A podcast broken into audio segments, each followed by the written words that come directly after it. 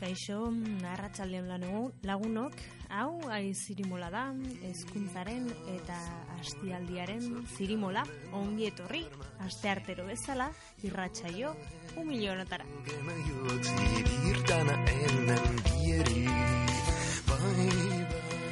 Oikoan lantzen ditugu aiaraldea irratiari eskerrak, mikro hauei eskerrak, ba gurasentzako ezitzaientzako eguneroko hezkuntza esparruetarako hainbat baliabide.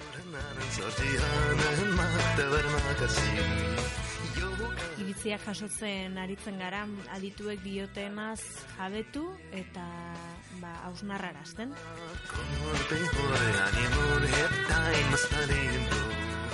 Eta tartean asko ikasten dugu, eh? Tomale, arbule bara, tomale, la, lanzure, la, zuru. Aizirimola oraindik ezagutzen ez duzuen ontzako Bizkaiko urtsintza eskolak ekoitzitako irratsaioa da. Eta gidari lanetan neroni irati mendiguren. Kanarindu kai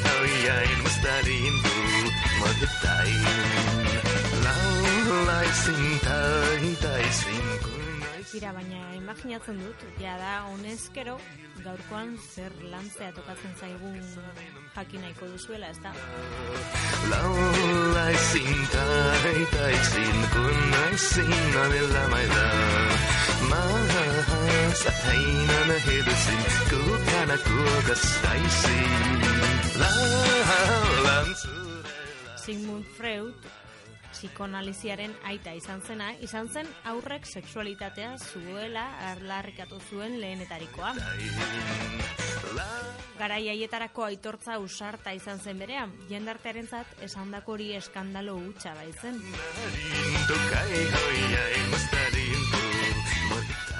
Atzetik etorri diren hainbat zientifiko eta dituk egiaztatu dute aurren sexualitatearen existentzia.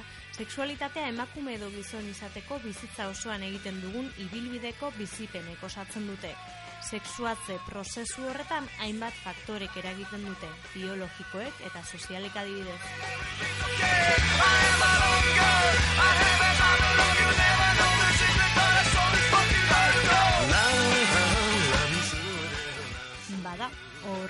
Guztia zarituko gara, ordu erdi batez, gaurko aizirimolan. Honegin,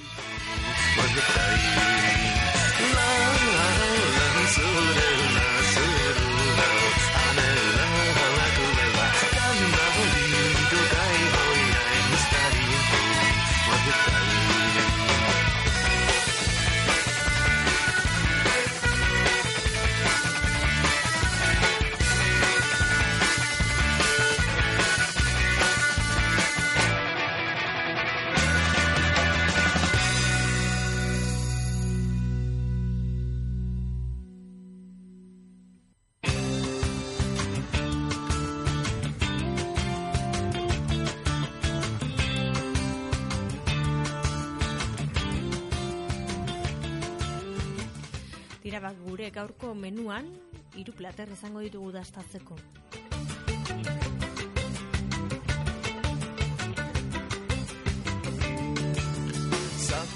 Alde batetik, tikik proiektuak ekarritako blogeko artikulu bat ekarriko dugu airera.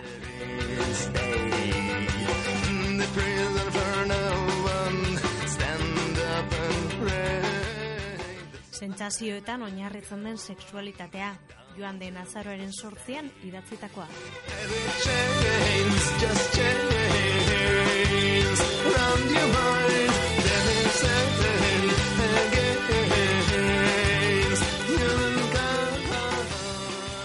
Bestalde, Bizkaiko urtsintza eskolak egindako balioen kuadernoen bilduma hartuko dugu oinarritzat, bere sortzigarren kuadernoan, abenduan kaleratutako kuadernoan hain zuzen ere, jaiotzetik sexualitatean ez den izeneko gidaliburua edo gomendio sorta kaleratu zuen.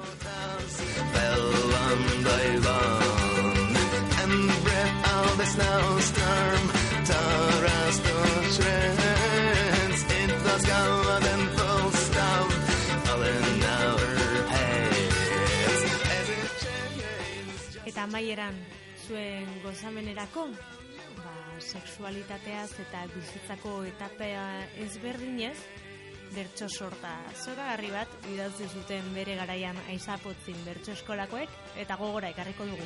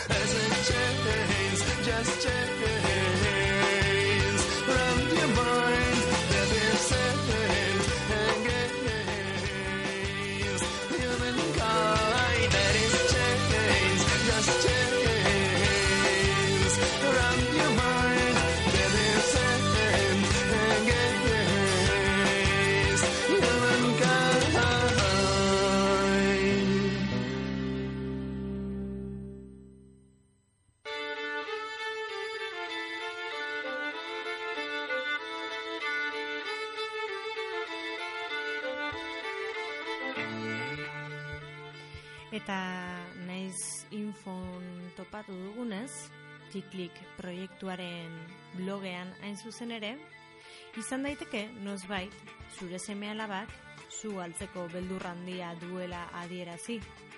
Aurrak nondi datozen galdetu, edo zu bilusteko ikusteko eskatu izana.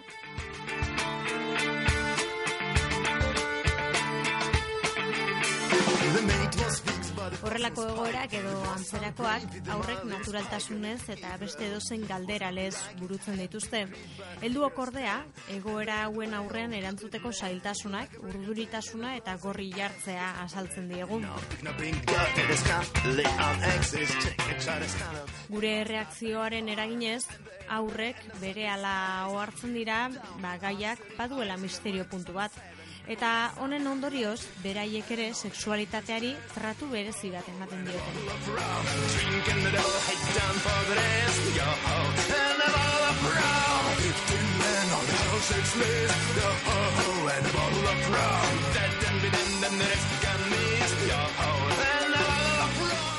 Sexualitatearen inguruan tabu, mito, uste eta gauza nahasi ugari daudela biztan da oraindik ere. Aurreta zaharren sexualitatearen inguruan gainera, uste hauek ugariagoak dira. Urte askoan zehar sexualitaterik ez dutela pentsatu izan da. Gaur egun ordea, jakin badakigu amaren sabelean gauden momentutik eriotzeraino sexualitatea daukagula.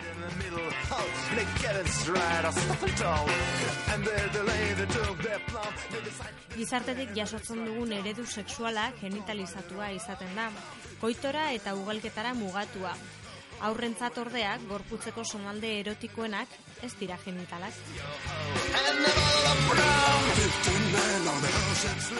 Aurren sexualitatea ikuspegi genitalizatutik urrun dago, eta beraien ikuspegia helduena baino zabalagoa dela esan daiteke.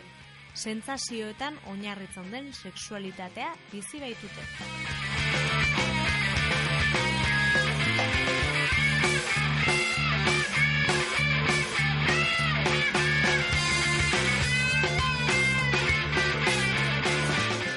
Gizon edo emakume egiten gaituzten egitura biografikoei sexuazioa deitzen zaio. Ondorengo lerroetan, ba, gure seme alabek edo gure txikiek sexualitatea nola bizi duten azalduko dugu labur labur.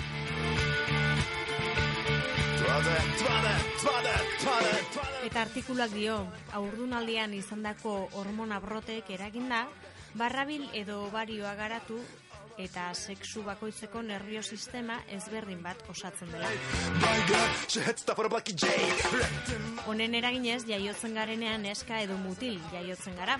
Momentu honetan, agente biologikoen eragina moteldu egiten da, eta maila psikologiko eta soziologikoek indarra hartzen dute.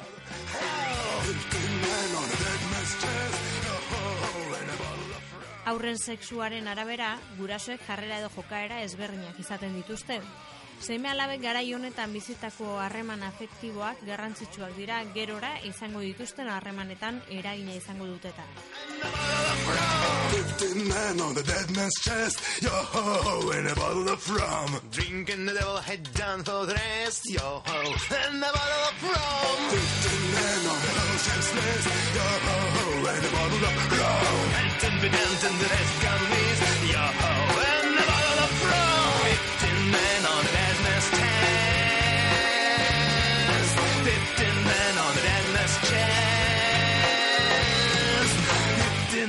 on the dead man's chest.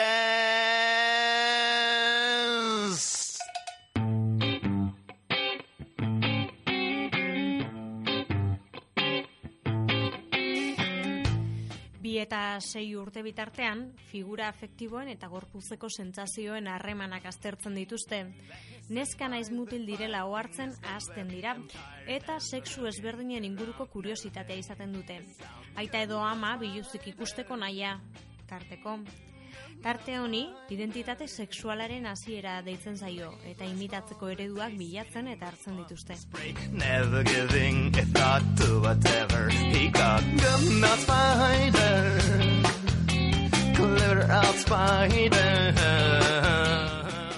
Sei eta maika urte bitartean, betirako neska edo mutil izango direla konturatzen dira. Helduen moral sexuala eta eredu sexuala barneratzen dituzte. Eta bi sexuek rol berberak bete ditzaketela konturatzen dira.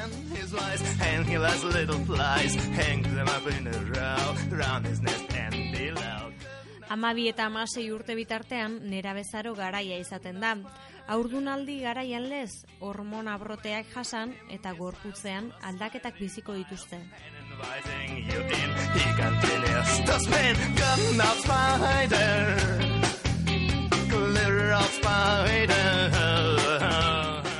Hilerokoak jistea, lehenengo isurketak, bibotea, aldakak handitzea, gorputzean hile eta granoak irtetea, eta aldi berean pentsatzeko era bat garatuko dute.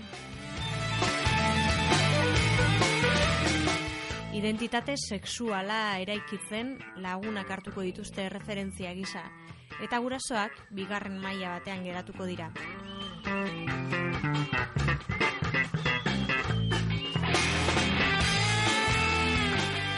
Garai honetan, desio sexualaren orientazioa baiestatzen da normalean, gustu heterosexualak eta homosexualak adieraziko dituztelarik. Honekin batera, maite mintzen eta desiren agarpena azaltzen da.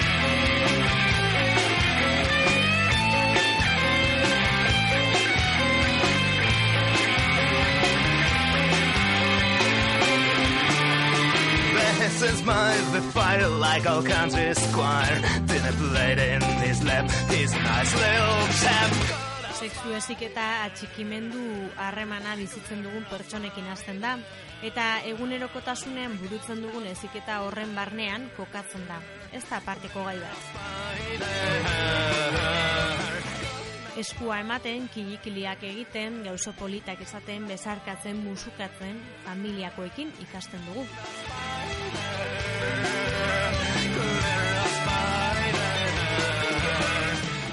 Guzti hauek, gertukoek maite gaituztela adierazten digute eta segurtasun eta babes sentimendu positibo bat eraikitzen laguntzen digute. Lotura afektibo hauek bizitzan zehar sexualitatearen bitartekari izaten jarraituko dute.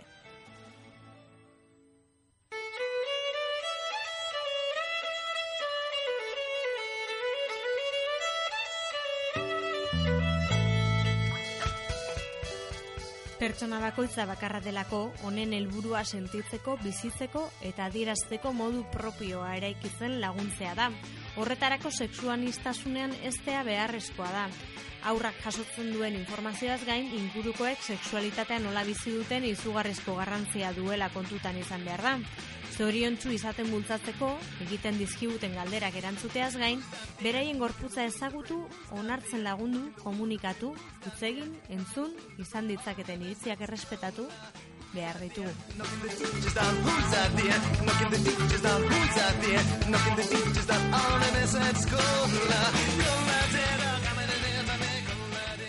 Eta azkenik, gomendio batekin agurtzen du miradi arando artikularen egileak, gure akatsak edo mugak, lotxak, urduritasunak eta bar, onartzea eskatu nahi dizuet. Aurrentzat oso aberazgarri izan daitekelako, perfektuak ez garela aitortuz, beraiek ere, diren bezalakoak onartzen ikasiko dute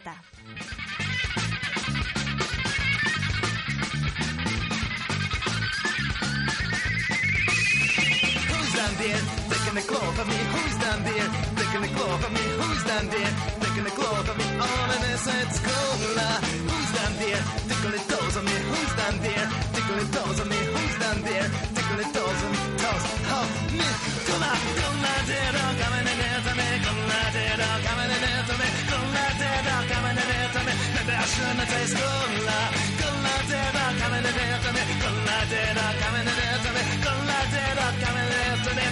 Say school. Bada, mirariren artikulu eta gomendio interesgarri honekin, ba, motxilan sartu eta beste toki batera ingo dugu salto. Gure bigarren platerera hain zuzen, gure bigarren platerean bizkaik urtzintza eskolak ateratako balion kuadernoko sexualitateren atala ikutuko dugun, baina dena irakurtzeko eta dena kontatzeko astirik izango ez dugunez, ba, begirada arlo konkretu batean utziko dugu. Alegia, ezitzaileok gure partetik, zer egin dezakegu? Nola landu dezakegu sexualitatea gure aurreta gazteekin?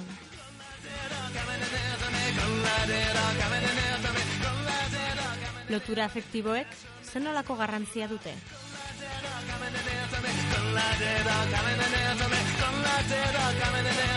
Maybe I shouldn't say school. School.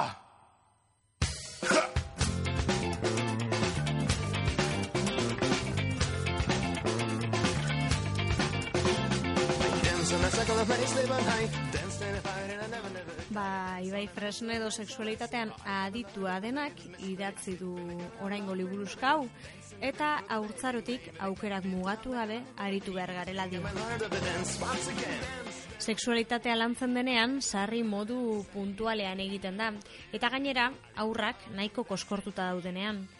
Esaterako, ze zentzu du nera bezaroan sexuanistasuna hitz ordura arte jaso duen guztia marko heterosexual batean kokatua izan bada.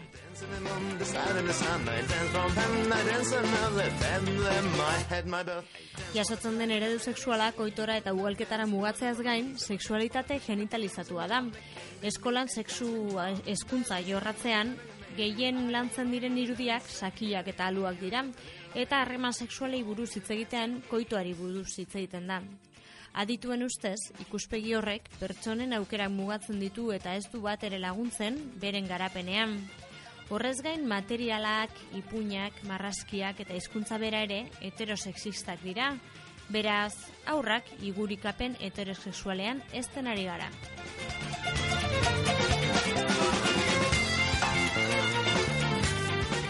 Bestalde, kontuan hartu beharko lirateke ikasgeletan gero eta anitzagoak diren familia ereduak daudela.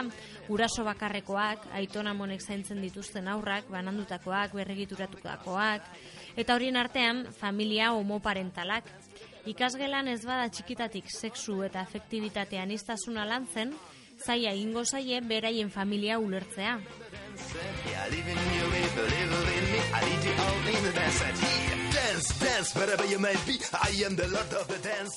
Sexu hezkuntzaren helburua pertsonak zoriontzuak izateko beren gorputzak ezagutzen, onartzen, beraien sexualitatea bizitzen eta erotika propioa adierazten ikastea da.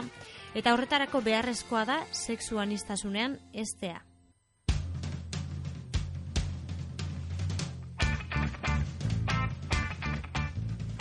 Ez dago lehen eta bigarren mailako sexualitaterik, eta kurrikuluneko gai guztietan islatu beharko litzateke anistasun hori. Zuzenean landu daitezke desira, orientazioa, homosexualitatea eta homofobia, baina beti ere aurretik marko orokorragoan landu badira. Sexu eskuntza, anistasunaren eta generoaren ikuspegitik eskola garai guztietan egin behar da, beti dago zer egina eta zer esana.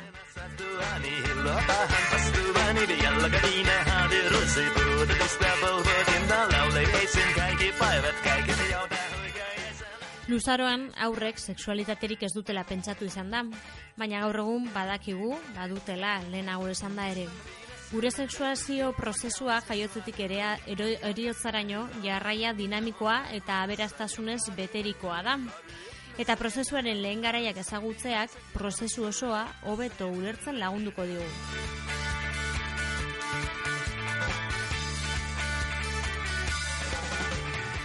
Medikoak gurasoei aurraren sexua esaten dien unetik, haien igurikapenak martzen jartzen dira. Behin aurra jaio eta ikusi ostean, sexua ez leitzen zaio. Familiak modu ezberdinean ikusiko du aurra, neska edo mutila izan. Sozializazio ezberdinduaren astapenak dira, eta hori aurraren jokabidetan islatuko da. Eta horrez gain, heterosexualitate igurikapena aktibatu, eta aurra heterosexuala dela pentsatu egiten da.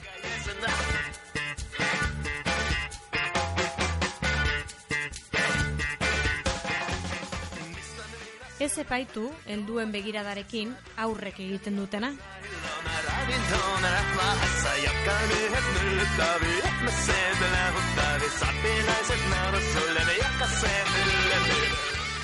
Aurrak ez du hainbeste ezberdintzen sexuala eta ez sexuala. Ez baitu sentsazio erotiko zurrunik, geroago izango duen moduan. Gainera, beraientzako, gorputzeko sonalde erotikoenak ez dira genitalak, Hau sexualitatea urrun dago sexualitatearen ikuspegi horretatik eta beraientzat dimentsioa asko zabalagoa dela kontuan hartu behar dugu afektiboa eta sozialak oso lotuta daudelarik. Helduontzat jokaera erotikoek esan nahi asko dituzte konnotazio ugari, desira, ekarpena, kompromisoa, maitasuna, plazerra, pasioa. Eta aldu oksarri, aurren jokaerak aztertzean guk sexualitatea ulertzen dugun ikuskeratik egiten dugu. Eta une horretan jada, erantzun bat ematen ari gara aurraren sexu eskuntzari. Opa!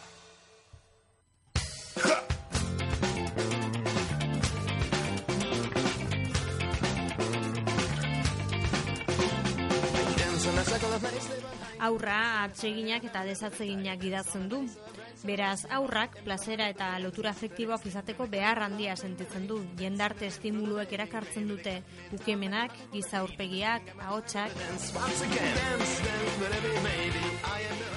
Gertuko pertsonekin ikasten da modu intimoan komunikatzen, lastanekin, hitz gozoekin, azalaren kontaktuarekin, eskua ematean.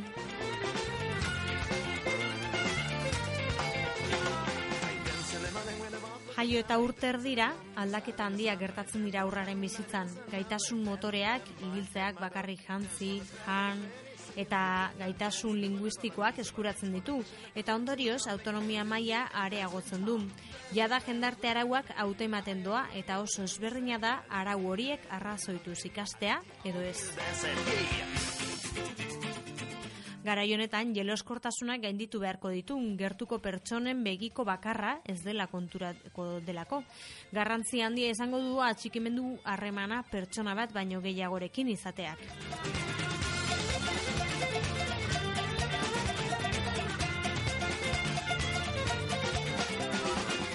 Aur guztiek dute sexuarekiko kuriositatea eta horrek ikaskuntza prozesua indartu egiten du. Sexualitatearen inguruan hitz egin behar dugu eta kontziente izan behar dugu aurrarentzat hitza esan naiz betetzen hasiko dela. Eta zein esan nahi jasoko du guk, zakilei, baginei eta koituari buruz soilik hitz egiten baldin badiogu afektibitatearen eta sexualitatearen inguruan hitz egin beharko diogu informazio egokia emanez. Gainera, aurraren kuriositateari erantzutea ez da soilik galdera horri erantzutea, badakigu eta sarri ez dela nahi denaz galdetzen.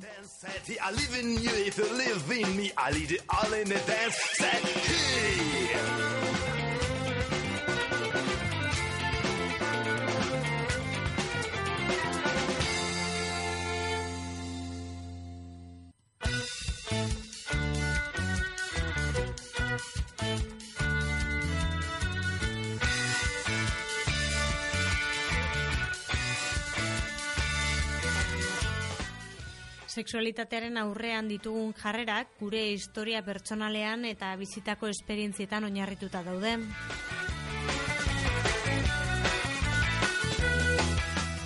Sexualitateaz aurrekin hitz egiten dugunean, helduok maiz gurea baino sexualitate libreago bat izateko aukera eskaintzen saiatzen gara eta askotan gure burua antzesten ikusten dugu. Benetan pentsatzen eta sentitzen dugunarekin bat ez datozen rolak interpretatzen ditugu. Eta lehenengo urratsa pentsatzen, sentitzen eta egiten dugunarekin koherentea izatea da. Nahi duguna, dakiguna, ez dakiguna, beldurtzen gaituena eta lotzatzen gaituena onartzea beharrezkoa da. Soilik horrela erakutsi baitezakegu egia. Benetan gu garena erakutsiz.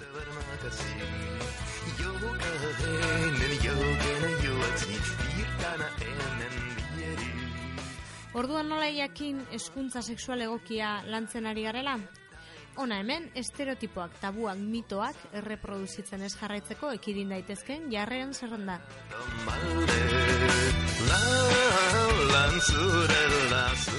Gaiaz naturaltasunez mintzatzeko lehenik eta behin barnea osnarketa egin behar dugun, gure sinismenak aztertuz eta gure ostopoak identifikatuz.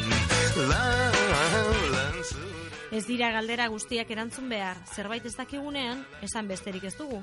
Beste dozein gairekin egingo genuken moduan. Galdera batekin deseroso sentitzen garenean, sentimendu hau plazaratu behar dugu, zergatia azalduz. Naiz eta gure burua erantzutera edo horretaz hitz egitera behartu, deserosotasuna antzemango da eta.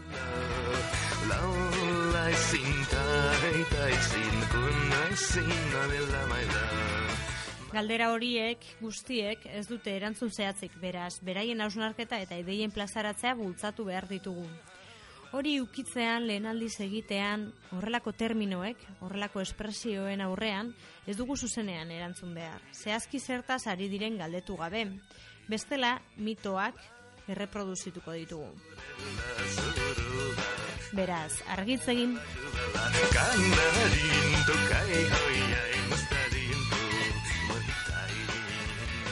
Adibidetan, jolasetan, solasaldietan, beti ere dibertsitatea aukera ezberdin guztiak kontutan hartuko ditugu.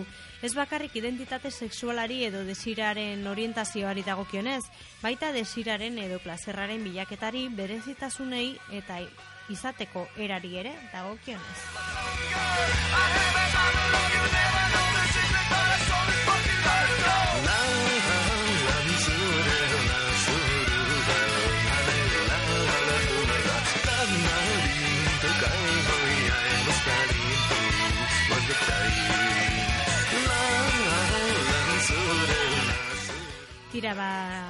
Balioen kuadernoen zortzigarren alean, jaiotzetik sensualitatean esten bilduma honetan, badituzue beste zenbait eduk interesgarri ere, eh? Gaian sakondu nahi izan ezkero, badakizuen ora jo. Eta besterik ez, guk gaurkoa izirimula bukatutzaten man behar dugu. Beraz, lehenago hasieran prometitu bezala, ordoaz aizapotzin bertso eskolako, bertso berdeak. Asteuna izan, edo la rosa, zergatik eme edo arra, naizta Freudek inposatu, aurtzaroaren sexu garra, albo batera utzita, gure praketako belarra sei urterekin mokoa, zen guretzat berde bakarra.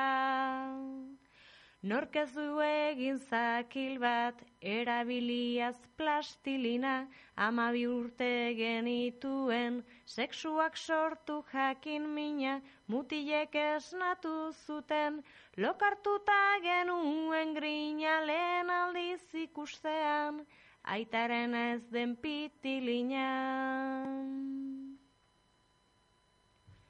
Zenbat notita klasean, kasu egiteko adrede, lehen masturbazioak, adin honetan ziren ere, hormonen dantzak zirenez, jaien erreginta errege ama bosturterekin zer, ez da irudikatzen berde. Sexua droga rock and roll, amazortzi urtetan mito, naita ezinako idira, Txosnetako barretan ito, nola nahi dugun berdeak, ez duen irauten betiko arazoaren aurrean, marihuana erretakito.